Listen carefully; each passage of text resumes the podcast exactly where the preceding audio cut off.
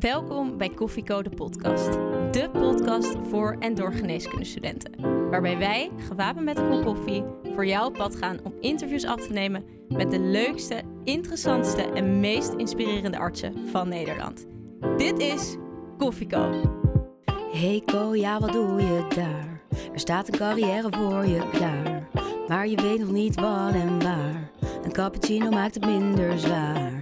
Dus zet je volumeknop omhoog. Want je luistert Koffieko en je weet het zo. Papa, papa, da, ba, da.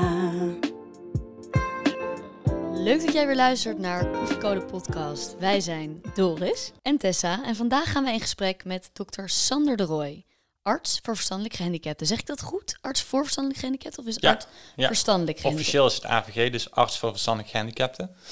Maar eh, tegenwoordig noemen we mensen met een verstandelijke beperking, dus ja, net iets anders. Nou Sander, je krijgt nog een klapje, want dat krijgt iedereen. Welkom, leuk dat je er bent. Ehm, hoe gaat het? Ja, goed. Ja, lekker dagje gehad, lekker gewerkt. Nou, we, we zijn ontzettend benieuwd naar jouw werk, dus daar gaan we straks van alles over vragen. Maar ja, eerst altijd de simpele, simpele eerste vraag. Lekker eh, binnenkomer. Hoe, eh, hoe drink jij je koffie? Ja, het ligt er een beetje aan waar. Eh, thuis heb ik een hele lekkere bonenautomaat en heb ik eh, een lange tijd gezocht naar de perfecte boon. Oh, En dan eh, drink ik hem gewoon met een wolkje melk erin. Wat is de perfecte boon dan? Ja, die zal voor iedereen anders zijn, maar ik heb een eh, boon gevonden uit Colombia en die is wel erg lekker. Oeh, Ja. hebben we echt een koffieliefhebber tegenover ons zitten vandaag. Ja, ja, ik hou wel van een lekkere bak koffie. En dat is ook waarom ik op mijn werk eh, eigenlijk de koffiesmaak zoveel mogelijk wil verdoezelen met een eh, cappuccino. eh. ja. Nou, en is het gebruikelijk, want koffie op je werk, drink je dat ook wel eens met patiënten? Of komt dat niet voor? Ehm, jawel, jawel, dat komt wel eens voor. En dat eh, gebruik ik ook wel eens om het ijs te breken. Hè? Want eh, sommige cliënten van ons die komen wel heel zenuwachtig de spreekkamer binnen. En dan helpt het wel om eventjes een, eh, een thee of een koffie met ze te drinken. Zeker, ja. Ze komen echt zenuwachtig de spreekkamer binnen. Ja, ja. Ik vind dat heel spannend om, om naar de dokter te gaan.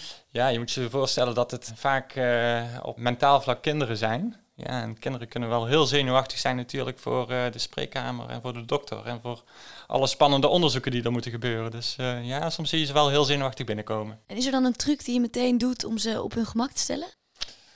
Ehm, nou, ik heb niet één truc, maar het hangt een beetje af van eh, de cliënt. En het is- je doet het een beetje op gevoel, maar het is vaak gewoon een beetje ijsbreken met... God, eh, wat heb je vandaag gedaan? Of wat is een lekkere weer? Of heb je gisteren Max Verstappen gezien? Zoiets. eh, oh ja, ja. Dat doet het meestal wel goed, ja. Ehm, ja, dan gaan we natuurlijk even terug naar jouw eh, studententijd. Of in ieder geval toen jij nog wat jonger was. Je bent niet al te oud, heb je ons net verteld. Ehm, altijd leuk om even te vragen, wat voor geneeskundestudent was jij?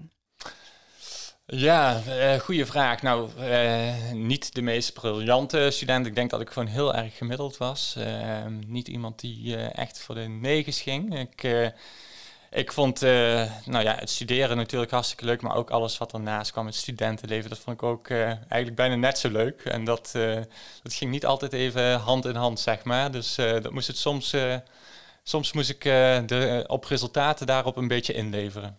Wij hebben er dus best wel veel moeite mee. Ook een van de redenen dat we deze podcast zijn begonnen. Maar hoe vond jij het om tussen al die vakgebieden te moeten kiezen? Heel lastig. Ik, ik had echt geen idee, eh, nog- ook voordat ik kooschappen deed, eh, welke kant ik op moest gaan. Dus ik hoopte dat ik uiteindelijk wel echt iets zou vinden waarbij ik echt meteen het gevoel had van, oh, dit is het, dit past bij mij. Ehm, en dat eh, heeft eventjes op zich laten wachten. Ja. En hoe kom je hiermee in aanraking? Ja, heel toevallig eigenlijk. Ehm, ehm, in het tweede jaar moest ik een, eh, had je een soort van snuffelstage. En eh, dan moest je kiezen tussen allerlei vakgebieden. En het leek mij alle, allemaal niks. Volgens mij zat er iets van eh, verzekeringsgeneeskunde bij. Dus ook arts voor verstandelijk gehandicapt. eh, eh, iets van pathologie, geloof ik. En eh, toen heb ik eigenlijk de keuze gemaakt van, eh, nou ja, ik kies voor de verstandelijk gehandicaptenzorg, want ik hoop dat ik daar nog een beetje mee kan lachen en eh, hè, met, met mensen met Down-syndroom en dan kom ik de tijd wel door. Zo dacht ik erover. Nou, en uiteindelijk ben ik die stage ingegaan en eigenlijk al bij het eerste contact met een cliënt was het meteen van, wauw, dit vind ik wel echt heel erg leuk. En ik denk dat de meeste collega's van mij dat hebben. Op het moment dat je met, met mensen met een verstandelijke beperking werkt, ja, dan is het of je hebt er een affiniteit mee, of eh, je vindt het echt totaal niks. En, eh, maar dat weet je meestal meteen. En dat was voor mij ook zo. Maar dat, eh, uiteindelijk eh, is dat niet meteen geweest van oké, dit ga ik doen, maar het is wel altijd in mijn achterhoofd gebleven. Oké. Ik ben eigenlijk heel benieuwd, want je zegt, ik had er meteen een affiniteit mee. Waar kwam die affiniteit vandaan? Was dat zomaar? Was dat, dat was voor jou ook onverwachts, als ik het zo hoor. Ja, eh, ik heb eh, geen familie of, of eh, iets in de omgeving, iemand met een verstandelijke beperking. Dus voor mij kwam het redelijk onverwachts inderdaad. Eh, ehm, ik denk ook omdat ik gewoon het heel fijn vind om eh, ja, met patiënten te communiceren. En dat komt in dit vakgebied wel heel erg veel naar voren. Communicatie is een van de belangrijkste aspecten van ons vak. Eh, is, is dat denk ik waarom ik het zo leuk vond. Plus dat je ook heel veel met humor kan doen en moet doen om, eh, om met deze cliënten te communiceren. En dat maakte denk ik dat het voor mij eruit sprong als vakgebied.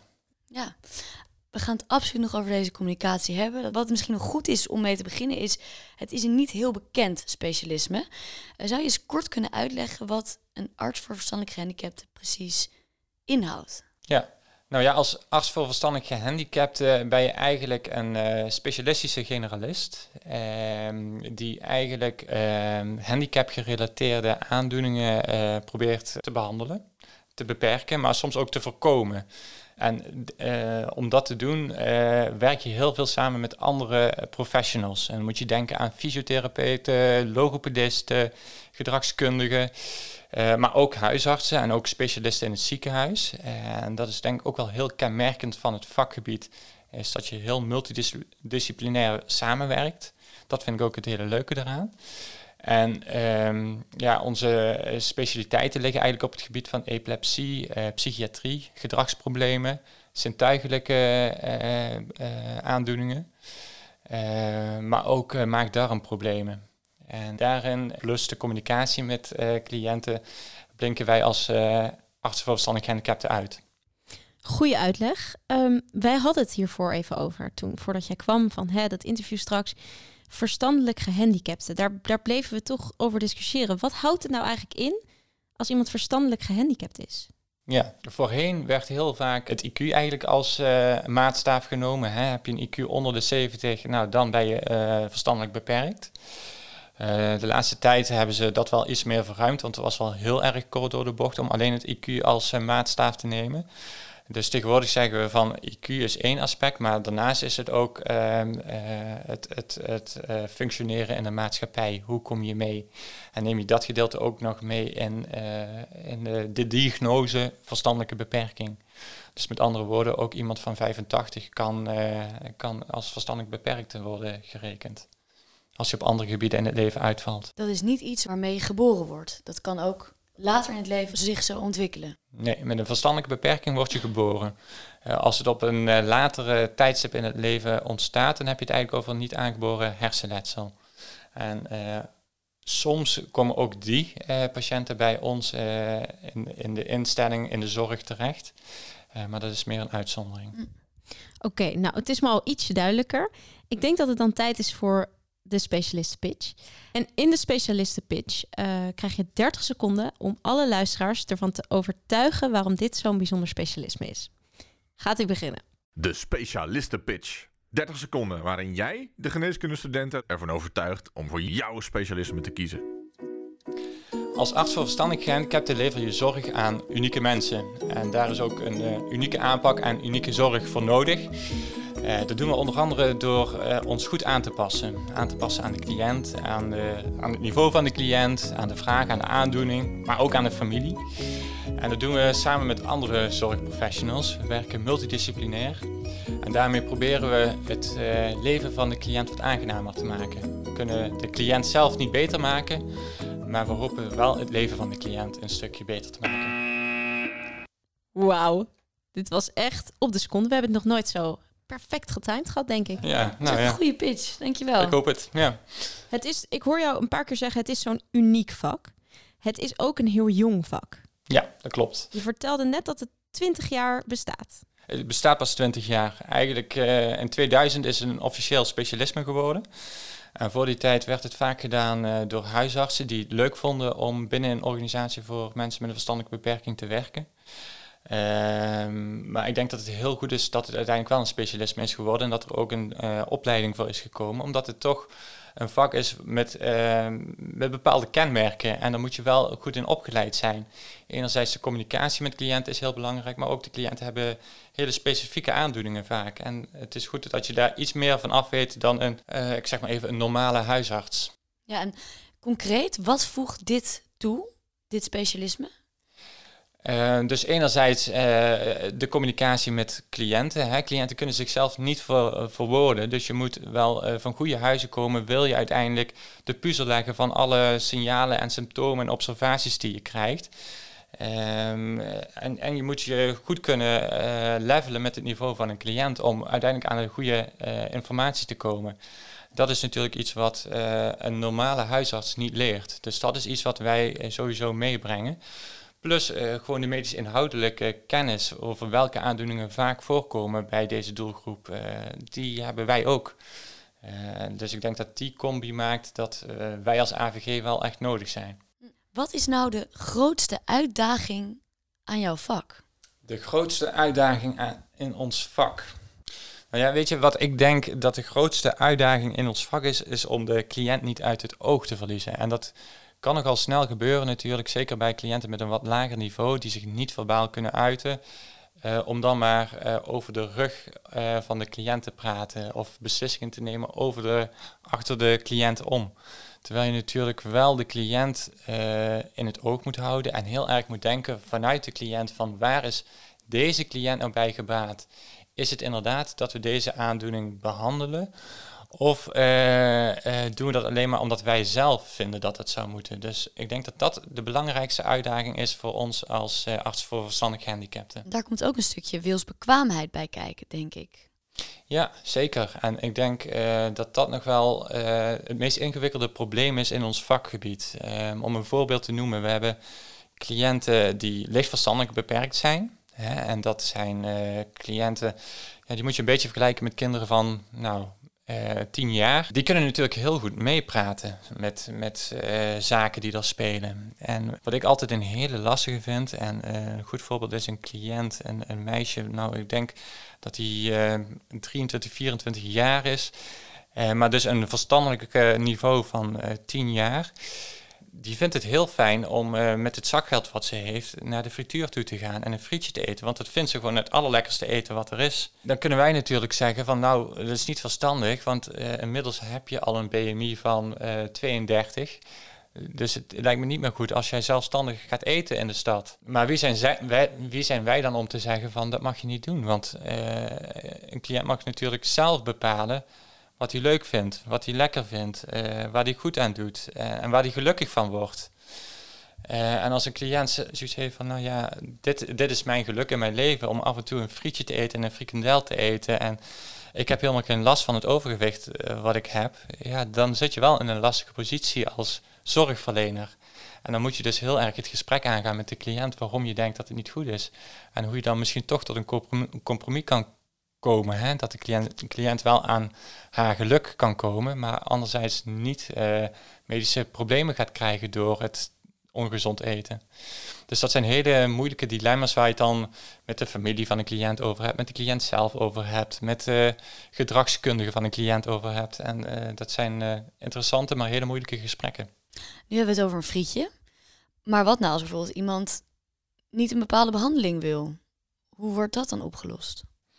Ja, natuurlijk mag een cliënt een behandeling weigeren. En uh, dan toets je eigenlijk van de overweging die een cliënt heeft om een behandeling te weigeren, is dat een weloverwogen keus van een cliënt. Hè? Dus kan die, alle, eh, kan die overzien uh, wat er gebeurt als hij een behandeling weigert?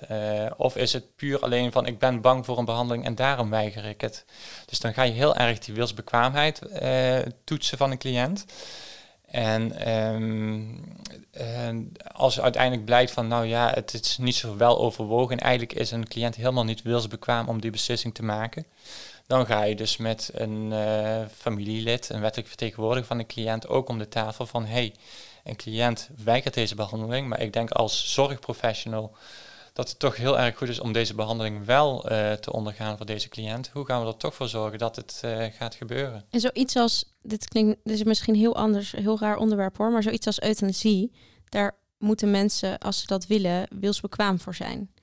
En ik kan me bijna niet voorstellen dat iemand die op een vijfjarig denkniveau zit, die zoiets kan aanvragen. Terwijl misschien is dat soms wel het meest passende. Hoe, hoe, gaat, dat in, hoe gaat dat bij jullie patiëntpopulatie? Nou ja, je, je noemt het eigenlijk wel heel goed. Je moet er wilsbekwaam voor zijn uh, voordat je euthanasie kan uh, aanvragen. Dus uh, voor het gros van onze doelgroep kan het gewoon niet. Die, die kunnen geen euthanasie aanvragen. maar ja, soms zit er toch iemand tussen die echt wel een weloverwogen keuze kan maken van ik wil euthanasie omdat dit en dit en dit. En als iemand dat goed kan beredeneren, dus je acht zo'n cliënt wilsbekwaam, ja, dan zou het toch in een uitzondering wel kunnen gebeuren, inderdaad, ook binnen onze doelgroep.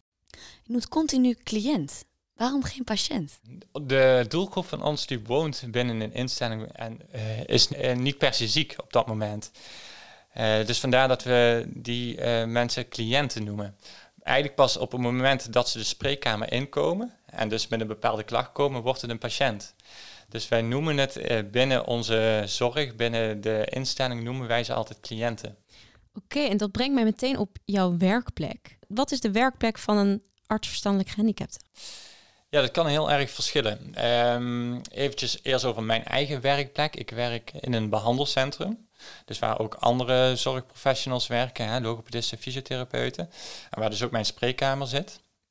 En uh, dat is een organisatie waarbij de cliënten uh, in kleinschalige woonvormen in de wijk wonen. Dus verspreid in de wijk. En dan moet je dat voor je zien dat uh, cliënten met z'n zes in één woning uh, wonen. En daar zorg krijgen van begeleiders. En nou ja, veel cliënten kunnen gewoon naar de spreekkamer toekomen als ze klachten hebben. Maar heel vaak lukt het ook niet, omdat ze bang zijn of omdat ze niet zo mobiel zijn. En dan, dan doe ik visites op de woning om naar een cliënt te kijken. Interessant, want ik heb mijn huisartskooschap net gelopen. En daar heb ik gezien en meegemaakt dat huisartsen zelf ook wel eens op visites gaan bij dit soort instellingen, bij verstandelijk gehandicapten.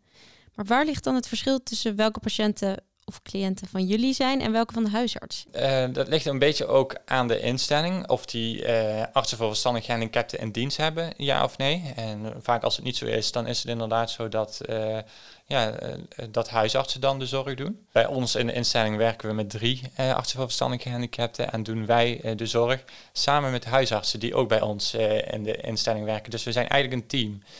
En we hebben eigenlijk het onderscheid gemaakt dat huisartsen de huisartsenzaken doen. En dat klinkt heel erg vaag, maar dan moet je dus denken aan de suikerziekte, de COPD, de pijnlijke knie. En wij als arts voor verstandig gehandicapten, wij doen uh, echt de meer handicapgebonden aandoeningen. Dus dan heb je het over psychiatrische aandoeningen, ep epilepsie, uh, zintuigelijke problemen, gedragsproblemen, nou meer dat soort zaken. En soms zit er ook een grijs gebied in hoor. Dan is het niet helemaal duidelijk van is iets voor de huisarts of is iets voor de AVG. En dan ja, kijken we daar eventjes gezamenlijk naar van wie pakt het op. En soms pakken we het ook samen op. En dat werkt ook hartstikke goed. Dus eigenlijk die pijnlijke knie, die zie jij nooit meer? Het komt wel eens voor dat ik hem wel zie. Want uh, soms is de huisarts net op een andere locatie en is er toch net iemand uh, nodig op dat moment. En dan kan ik nog steeds wel een pijnlijke knie uh, zien. En dan kan ik het misschien niet zo uitzonderlijk goed behandelen als een huisarts, maar ik kom er wel een heel eind mee. Dus je schuift hem niet uh, per definitie af? Nee. En dat vind ik ook heel leuk om dat te blijven doen. Ja. Oké, en je noemde net al allemaal dingen, hè? epilepsie, um, psychiatrische problematiek. Heb je een patiëntencasus waar je ons eens in kan meenemen? Wat is nou echt typisch, bijvoorbeeld van afgelopen maanden, een casus die bij jouw beroep past? Ja, nou ja, het zijn er zoveel, uh, dus dan moet ik heel snel een keuze maken. Maar een casus die uh, nog wel geregeld voorkomt en waar ik ook afgelopen tijd nog mee heb uh, zitten worstelen, is een, een, een, jonge meid die ook lichtverstandelijk beperkt is. En die heeft geregeld wegrakingen. En dat is sowieso altijd al een heel lastige, want wegrakingen kunnen natuurlijk door heel veel aandoeningen komen. En waar ik dan meestal aan denk is, uh, is het uh, een, een, een flauwvallen, een syncope, of is het meer een epilepsie, Uh, is het meer een hartritmestoornis waardoor iemand af en toe wegvalt? Dus dan moet je heel erg gaan puzzelen van wat is het precies. En de cliënt die kan het niet zo heel erg goed verwoorden. Dus er werden ook videobeelden gemaakt. Dat was ook op vraag van mij, omdat ik toch iets meer beeld ervan wilde hebben. En uh, toen werd heel erg duidelijk dat uh, eigenlijk de trekkingen die zij had niet zo heel erg pasten bij epilepsie. Maar toen dachten we van is wat is er dan precies aan de hand? Uh, uiteindelijk bleek dat zij heel erg reageerde op spannende momenten, op, op uh, voor haar spannende momenten. Uh, dat zijn we ook samen gaan terughalen. Samen met de begeleiding heb ik bekeken van wanneer treden die wegrakingen nou precies op. En toen bleek bijvoorbeeld voor een gesprek over de dagbesteding of de huidige dagbesteding voor deze cliënt kon doorgaan of dat ze toch naar een andere dagbesteding toe moest. Nou, dat was voor haar een heel spannend gesprek, want ze wist niet precies wat er ging gebeuren. En eigenlijk voor dat gesprek had ze die wegraking gehad. En dat betekent dus dat uh, toch een bepaalde stress deze aanvallen uitlokte. Uiteindelijk zijn we tot de conclusie gekomen dat het een uh, psychogene, niet-epileptische aanvallen zijn. Dat wil niet zeggen dat zij het fakte of hè, dat, dat, er niks aan de hand is, want voor haar is er zeker wel iets aan de hand. Sommige uh, mensen krijgen hoofdpijn van stress. Nou, zij krijgt deze aanvallen van stress. En dat moeten we dus op een andere manier behandelen dan met medicijnen. Nou, dat is in ieder geval een, een, een casus die illustreert hoe zoekende dat je kan zijn voordat je uiteindelijk echt de, de, de goede diagnose hebt bij een, uh, bij een cliënt. Nou, in ieder geval heel, uh, heel beeldend van hoe het inderdaad, hoe moeilijk het soms kan zijn. En het lijkt me ook niet meewerken dat soms de anamnese um, lastig is.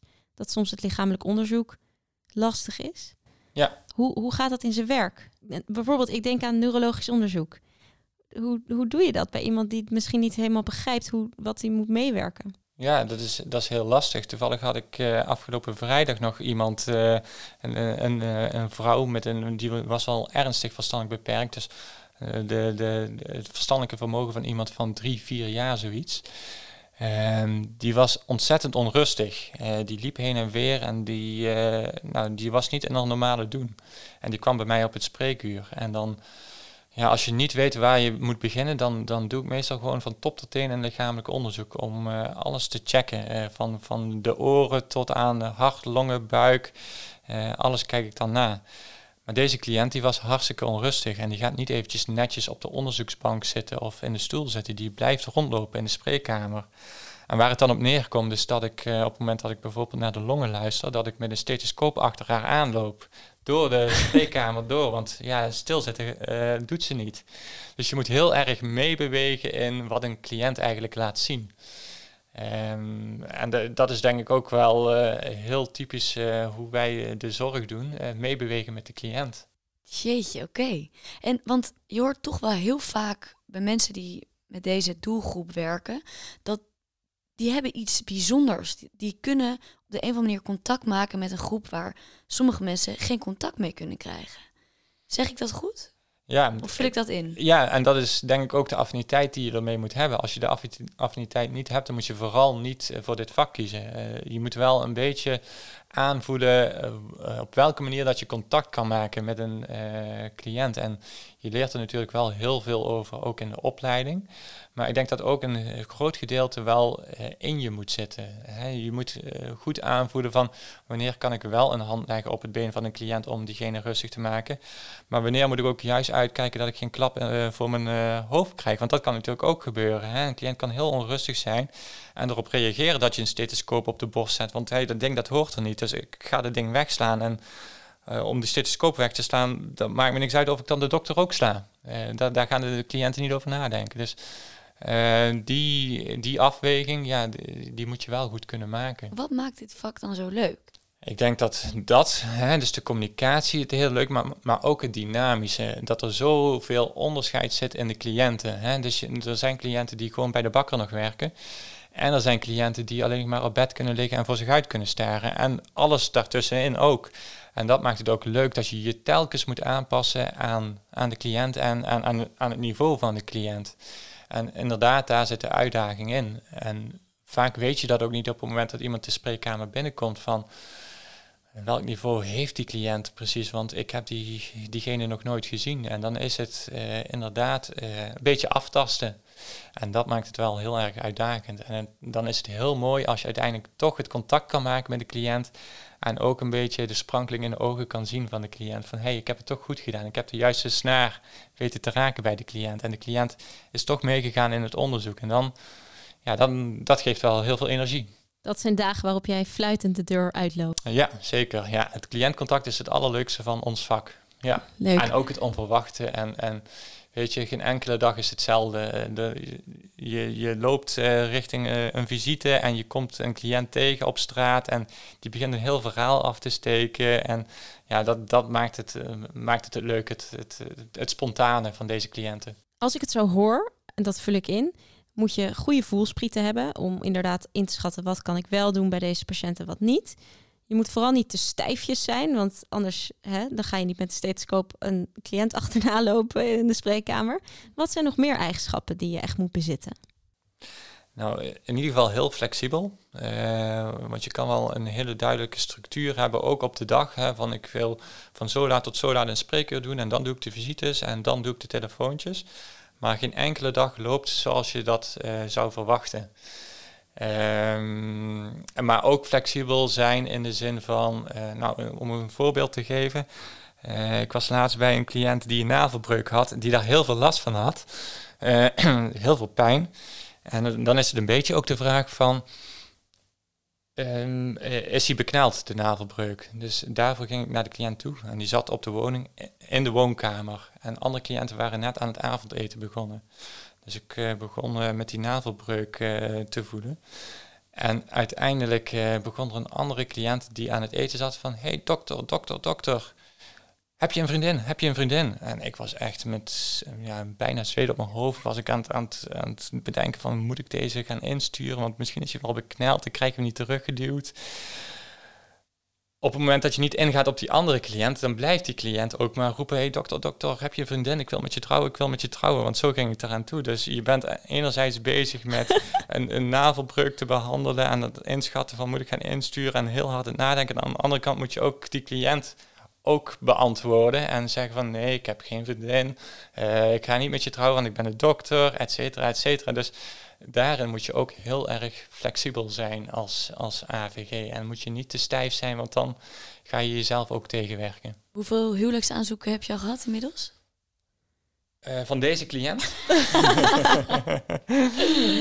nee, dit, dit, is wel het enige uh, huwelijksaanzoek. Uh, ja, ja. Leuk. Ja, dus, ja. dus het, is, het is ook een vrolijke patiëntenpopulatie, kan ik me voorstellen. En in, in ieder geval een patiëntenpopulatie die geen blad voor de mond neemt. En heel erg spontaan is. En zegt wat ze denken. En dat waardeer ik heel erg. Deze mensen zijn heel puur. En als ze om iets schreeuwen, dan is er ook echt iets aan de hand. Ze zeuren zullen ze niet. Ja, het is echt heel leuk om je zo te horen praten. Um, ik denk dat het ook heel belangrijk is voor de luisteraars om te weten hoe de opleiding tot arts verstandelijk gehandicapten eruit ziet. Ja, het is een, uh, een driejarige opleiding. En hij is wel een beetje vergelijkbaar met uh, de opleiding van uh, een specialist ouderengeneeskunde en huisarts. Dus dat betekent dat je het eerste en het derde jaar hebt dat je in een instelling werkt voor mensen met een verstandelijke beperking. En dus dan, dan functioneer je min of meer als een AVG. Uh, en het tweede jaar is het stagejaar. En dan doe je stages uh, die uh, verwantschap hebben met het vak. En wat veel mensen doen, is bijvoorbeeld in de psychiatrie een stage, bij een centrum voor epilepsie, soms ook de klinische genetica, maar ook in de oudere geneeskunde een stage. Um, en dan uiteindelijk in het derde jaar kom je dus weer terug in, in de instelling en dan rond je je jaar af. Hoe zijn jouw collega's dan hier bij dit vakgebied terechtgekomen. Het is namelijk een relatief onbekend vakgebied. Des te beter dat we hier vandaag zitten. Wat voor weg bewandelen zij om hier te komen? Dat is echt heel uiteenlopend, want de AVG bestaat niet. Uh, wij zijn misschien wel net zo'n heterogene groep als onze doelgroep. Um, bijvoorbeeld in de, mijn opleidingsjaar uh, zat een kinderarts uh, die ook ervoor gekozen heeft om uh, een andere weg in te slaan. Maar zo zaten er bijvoorbeeld ook een forensisch arts, heeft ook in mijn jaargroep gezeten. Een collega van mij die heeft een zusje met een verstandelijke beperking. En sommige geneeskundestudenten komen meteen vanuit de schoolbanken, gaan ze meteen door in dit vak. Dus de wegen zijn heel verschillend. Wat zegt dat over jouw vak? dat het zo heterogeen is? Ik denk niet dat de AVG als stereotype bestaat. Als ik echt puur kijk naar mijn collega's, dan heb ik niet echt één bepaald beeld bij een arts voor verstandige gehandicapten. Ik denk ook dat het komt misschien juist wel om, om, omdat onze doelgroep zo gevarieerd is dat ehm, verschillende type artsen uh, ermee overweg kunnen. En natuurlijk zijn er wel bepaalde karaktereigenschappen die wel echt een pre zijn om als uh, arts voor verstandig gehandicapten te hebben. Hè. We hebben het al eerder gehad over je moet flexibel zijn, je moet een bepaalde dosis humor hebben. Uh, je moet interesse hebben in de brede geneeskunde ook. Um, en je moet out of the box kunnen denken, creatief kunnen zijn in oplossingen. Um, dus die eigenschappen moet je sowieso wel hebben, maar dat betekent niet dat, uh, dat de AVG bestaat. Leuk, keer wat anders. Geen stereotype. De co-telefoon. Ja, de co-telefoon, die bestaat ook nog. Ik was hem bijna vergeten. Um, en dat is een vraag ingestuurd door een van onze luisteraars op social media. Er zijn een aantal hele leuke binnengekomen, waaronder eentje van Meertje Jasmijn. En zij vraagt: wat zouden andere artsen vooral moeten weten over dit beroep en deze doelgroep? Nou, dat is wel een hele goede vraag, want daar lopen we wel eens tegenaan dat uh, andere artsen best wel een uh, stereotype beeld hebben uh, van onze doelgroep. Om een voorbeeld te geven, ik heb een keertje een cliënt moeten insturen. Die had een trombosebeen en ik verdacht die cliënt erop dat hij ook wel een longembolie had. benauwd, pijn op de borst. En uiteindelijk heb ik gebeld met een specialist in het ziekenhuis van... God, ik heb deze en deze cliënt, trombosebeen, ik denk nu hier aan en ik wil die graag insturen. Nou, en toen kreeg ik dus een, uh, een arts aan de lijn en die zei van, uh, ja nou uh, prima, maar ik hoorde je ook zeggen dat het om een, iemand met een verstandelijke beperking gaat. Nou, dan zullen we maar niet meer te veel uit de kast halen. Hè? Ja, dat soort dingen kom je nog wel geregeld tegen als arts voor verstandelijk gehandicapten. Dus dat betekent dat je je niet te, te, snel uit het veld moet laten staan en, en, en ook andere artsen wel eens moet overtuigen van dat dit ook gewoon mensen zijn die, die uh, ook een normale behandeling mogen krijgen. En dat die een, een goede kwaliteit van leven hebben. En dat ze genieten van het leven en genieten van een tv-serie en nog naar buiten gaan. En dat het niet allemaal kwijnende mensen zijn die in een rolstoel zitten waar niet meer mee te communiceren valt. En dat, dat beeld, uh, dat moeten wij soms wel eens wegpoetsen bij uh, specialisten. Maakt het jou boos als artsen zo reageren? Ja, zeker. Ja, ik was, ik was toen ook wel echt nou, ik liet het niet zo merken, want ik had de specialist nog nodig natuurlijk. Hè. Uh, uh, maar ik, ik, kon er wel heel erg boos over worden, om worden, inderdaad. Dat, dat, dat iemand zoiets uh, zou zeggen over, over, over een cliënt van mij die, ja, die, die gewoon een, een normale behandeling zou kunnen krijgen in het ziekenhuis. Ja. En wat doet het met jou als een arts dus zo doet over jouw cliënten, maar ook wat doet het met jou dat ze blijkbaar ook een bepaald beeld erbij hebben over jouw vakgebied? Dit zijn de mensen waarvoor jij zorgt.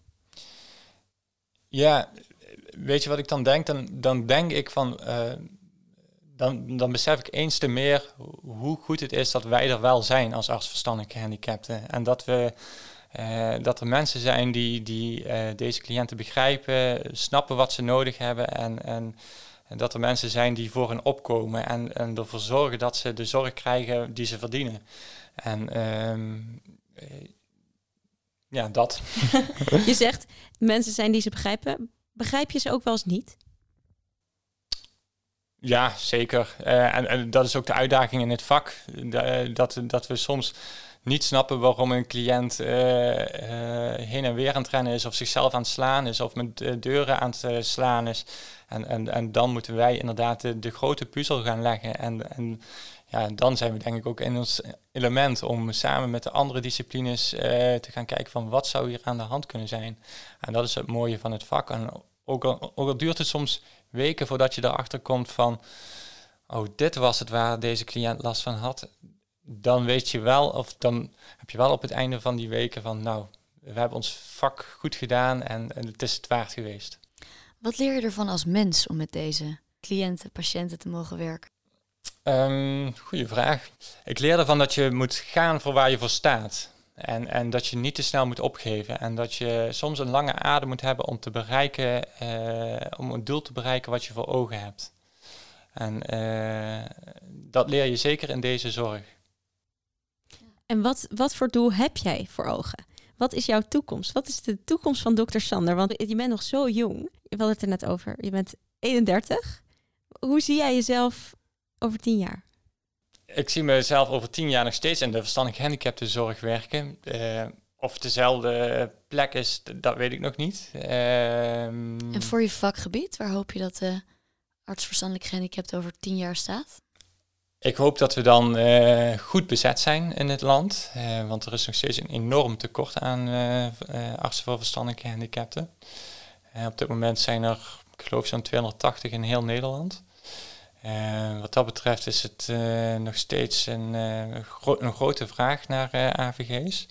Dus ik hoop dat dat tekort uiteindelijk opgevuld zal raken. Um, en dat ook de, de AVG wat beter in beeld is bij andere specialisten. Dat ze ons weten te vinden voor overleg ook. Want elke specialist zal op zijn spreekuur mensen met een verstandelijke beperking krijgen. En elke arts zal af en toe met de handen in het haar zetten van met, in het haar zitten met wat moet ik hiermee aan? Hoe moet ik daarmee communiceren? Hoe kom ik erachter wat diegene mankeert? En dan hoop ik dat de meeste artsen over tien jaar wel weten van uh, we kunnen altijd overleg hebben met een AVG. En we kunnen altijd ook een, uh, iemand presenteren op het spreekuur bij een AVG. En dat zou wel heel erg mooi zijn. Ik hoor je zeggen, er is een tekort. Er is een sterk tekort zelfs. Betekent dat dat het makkelijk de opleiding inkomen is? Nou, niet per definitie, want ik denk dat we nog steeds wel heel erg kieskeurig moeten zijn van wie is er geschikt voor de opleiding. Hè? Dat je niet zomaar kiest voor het vak van nou, dan kom ik makkelijk aan een baan. Je moet wel echt een bepaalde affiniteit hebben met de doelgroep. Uh, maar goed, als je uiteindelijk wel geschikt bent, dan uh, zijn er wel uh, genoeg plekken om te vullen. Ja. Ook wel eens fijn, hè? Ook wel eens fijn, ja. Ook wel fijn. Sander, we hebben eigenlijk uitgebreid jouw vakgebied belicht. We zijn natuurlijk ook wel benieuwd naar de mensen achter de dokter. Um, dus een aantal persoonlijke vragen voor jou. Want wat doe je nou bijvoorbeeld als je niet werkt? Wat is, wanneer ontspan je? Nou, als ik uh, niet werk, dan uh, uh, ga ik dus naar huis en dan wacht dan natuurlijk mijn kleine zoontje van tien maanden. En dat vind ik natuurlijk al hartstikke leuk en daarmee ontspan ik ook meer dan genoeg. maar thuis, ja, sport ik en muziek vind ik ook erg leuk. Ik speel gitaar en ook daarmee ontspan ik heel erg. En met vrienden afspreken, dus dat is mijn manier om te ontspannen. Misschien is dit een vooroordeel, maar mijn afgelopen huisartsenkoosschap mocht ik uh, op visites komen bij um, verstandelijk gehandicapten thuis. En het viel mij op dat best wel een aantal verstandelijk gehandicapten hadden een verzameling. Dus bijvoorbeeld een, een iemand had een Elvis Presley verzameling, een ander had een kikker verzameling. Heb jij ook zo'n verzameling? nee, ik, heb, uh, ik ben even hard aan denken. Nee, ik heb geen verzameling. Nee, nee, nee. En is het een vooroordeel of is het echt zo? Nee, eh, voor onze doelgroep uh, ja. bedoel je? Ja, zeker. Nou, dat kan heel erg ver gaan hoor. Uh, ik ken een cliënt die een Harry Potter tatoeage heeft. En ik ken ook een cliënt die helemaal fan is van de Efteling. De hele kamer is één grote Eftelingkamer. En toen die, toen die cliënt was overleden, was ook zijn hele kist waar hij in lag, lag vol met Efteling knuffels. En, en alles was Efteling bij die cliënt. Dat kan heel erg ver gaan. Ja. Dus dat is zeker geen uh, vooroordeel. Oké. Ik merk in dit hele interview dat de patiëntverhalen, die rakel jij binnen een aantal seconden heb je weer een verhaal en weer een verhaal. Dat zegt volgens mij wel echt iets over de intense contacten die je bij dit beroep hebt. Ja, zeker. Maar ja, wat ik ook al eerder zeg, dat is ook echt eh, een van de punten waarom je voor het vak kiest. Omdat gewoon de, de, het contact met de cliënten het, het werk zo bijzonder maakt. Nou, dat punt heb je zeker weten gemaakt ja. uh, vanavond. Dan gaan we nu door naar het doktersdilemma. Um, in dat doktersdilemma krijg je twee stellingen. Dan moet je gewoon snel kiezen. Dan kijken we wel daarna wat, uh, wat eruit komt. Helemaal goed. Het doktersdilemma. Het leven bestaat soms uit lastige keuzes. Denk niet te lang na en geef snel antwoord. Klinisch redeneren of praktisch handelen? Praktisch handelen. Kunst of sport? Kunst. Sneakers of nette schoenen? Sneakers. Kinderen als patiënt of volwassenen als patiënt? Kinderen. Optimistisch of realistisch? Optimistisch. Boeken of series? Series. Formeel of informeel? Informeel. Champagne of bier? Bier. In de wijk of in een zorginstelling? In de wijk. A, V of G? Aardappel, vlees of groente? Ehm, dan ga ik toch voor vlees. Oké. nou, die grap werd net nog even voor het interview gemaakt. Hè? Dat AVG dat staat voor verschillende dingen. Maar in dit interview is het toch echt de arts verstandelijk gehandicapten. Even kijken welke we eruit gaan pakken. Wat zei je nou ook weer? Over boeken of series, wat was je ook weer je antwoord? Series. Series, ja? Ja. Nog een tip? Eh, eh, meer dan genoeg. Eh, ik ben eh, een eh, grote Netflix-verbruiker. Ehm, ik heb er heel veel series eh, versleten. Fargo is een van mijn meest favoriete series. Zijn er ook series of films gemaakt waarin jouw doelgroep nou heel goed naar voren komt? Waarvan je zou zeggen, die moet je echt even zien. Leuke vraag hoor. Ja, er zijn een heleboel series en ook een heleboel programma's op tv die eh, met name gaan over mensen met het syndroom van Down. Daar heb ik daar altijd een beetje een dubbel gevoel wel bij hoor, eh, moet ik eerlijk zeggen. Want ik vind het natuurlijk hartstikke leuk om ze te zien en eh, hoe puur dat ze zijn. Maar ik vind ze ook vaak wel heel erg eenzijdig. Want eh, volgens mij hebben die programma's vaak wel als doel om onze doelgroep iets meer te belichten. Om mensen met het syn- syndroom van Down iets meer te belichten. Maar dan laten ze alleen maar de vrolijke, hoog niveau eh, mensen met het syndroom van Down zien.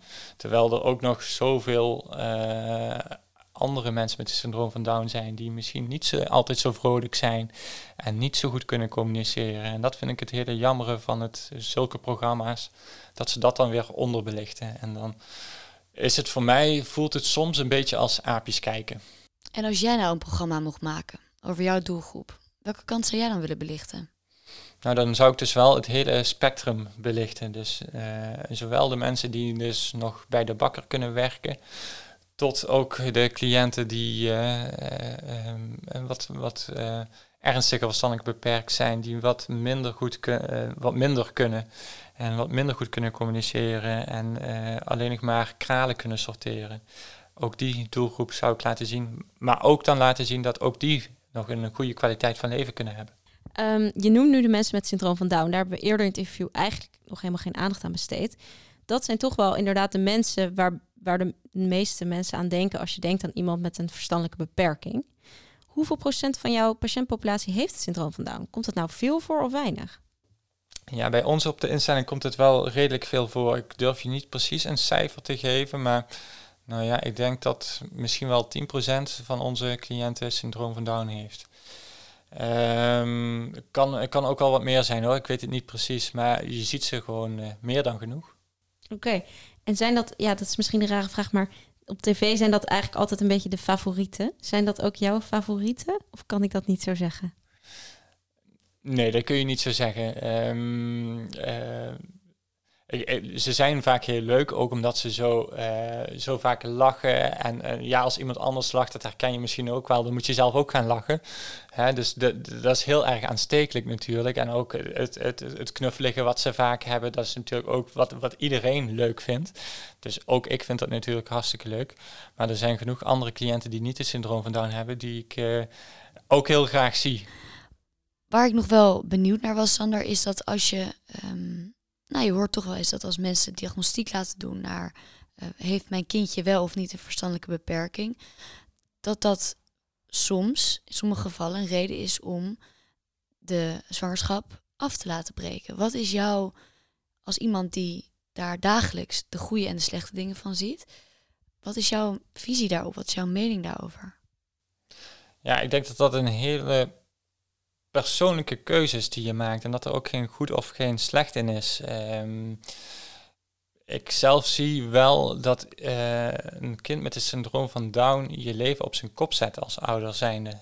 Ik, ik, ik zie dat dagelijks voorbij komen en dat betekent nogal iets voor je leven. Eh, ehm, eh, dus dat moet je sowieso wel meewegen daarin. En ehm, ik, ik, ik denk dat, dat, het, dat je heel goed de weloverwogen keuze kan maken van of mijn kind nou het syndroom, eh, syndroom van Down heeft, ja of nee. Ik, ik ga voor- ervoor, want het blijft mijn kind. Dat kan een hele goede keuze zijn, maar ik kan ook heel erg begrijpen van Uh, ik kies er niet voor om dit kind geboren te laten worden, want het syndroom van Down betekent uh, dat mijn leven, het leven van mijn andere kinderen die er misschien al zijn, helemaal over kop zet. En dat kan een argument zijn om ervoor te kiezen om het kind inderdaad niet geboren te laten worden. Nou, denk je dat je toch iets hebt willen delen op, over best een gevoelig onderwerp. Dat is toch wel waardevol, denk ik. Ja. We eindigen altijd met een laatste tip voor alle co-assistenten die nu luisteren. Um, wat wil jij de toekomstige dokters en misschien wel al jonge dokters die aan het luisteren zijn, wat wil jij hun meegeven?